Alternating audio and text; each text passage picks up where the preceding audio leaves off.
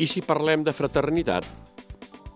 Article de Montserrat Esporrin Pons, delegada diocesana per a la pastoral social. L'Església dedica cada darrer diumenge de setembre a les persones migrades i refugiades. Un tema que, desgraciadament, tenim a tocar cada dia, ja que són moltes les persones que per motius polítics, socials, per desastres naturals i guerres, es veuen obligades a marxar dels seus països, deixar tot el que tenen, així com tot allò que al llarg de les diferents generacions han anat recopilant i s'han anat transmetent, com són costums religiosos, culturals i records personals. Són vides troncades que han de començar de nou a d'altres terres on, per bé que se'ls aculli, sempre els queda l'enyorança i el dolor d'haver de deixar familiars que potser no veuran mai més. Un exemple el tenim amb la pandèmia, ja que han estat moltes les famílies que han perdut éssers estimats i no han pogut completar el dol. De tots, és ben conegut que al llarg de la història han estat molts els moviments migratoris als quals podem fer referència, però no per això són menys dolorosos.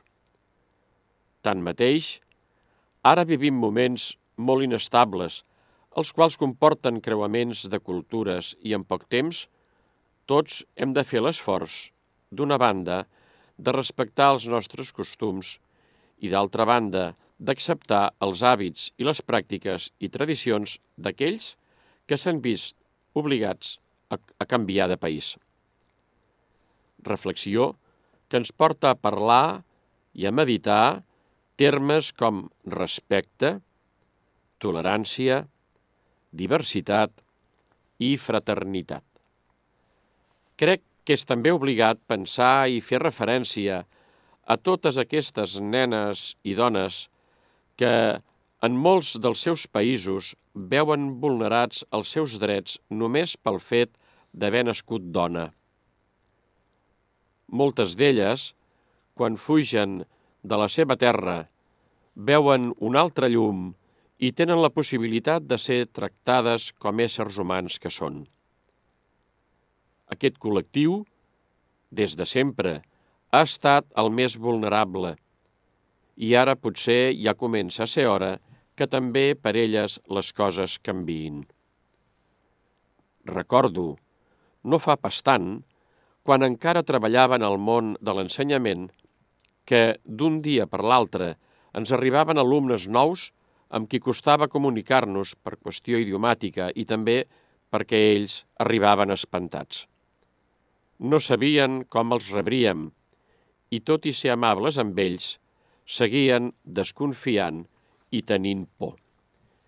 Era una situació difícil per amb dues parts, però, a poc a poc, tots vam aprendre a enriquir-nos culturalment i a respectar-nos de forma mútua.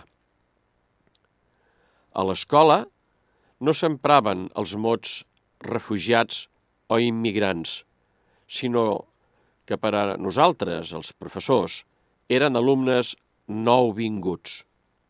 Paraula que per algú només pot ser un eufemisme, però que, tanmateix, és un mot més integrador. Em sap greu i em fa mal a l'oïda els termes migrant o refugiat són etiquetes malsonants i fortes i per això potser ens cal deixar-les de banda, ja que per part d'alguns partits polítics sembla que aquest llenguatge més inclusiu cada cop es promogui menys, cosa que només fa que posar barreres i murs quan en realitat veure l'altre com un més de nosaltres ens mena cap al camí de la pau, el respecte i l'harmonia.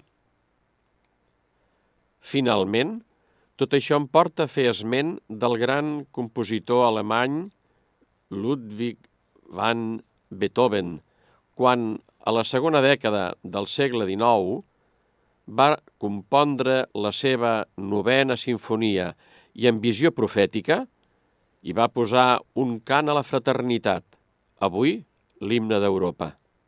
És clar que una cosa és la música i se l'endú el vent i una altra són els fets.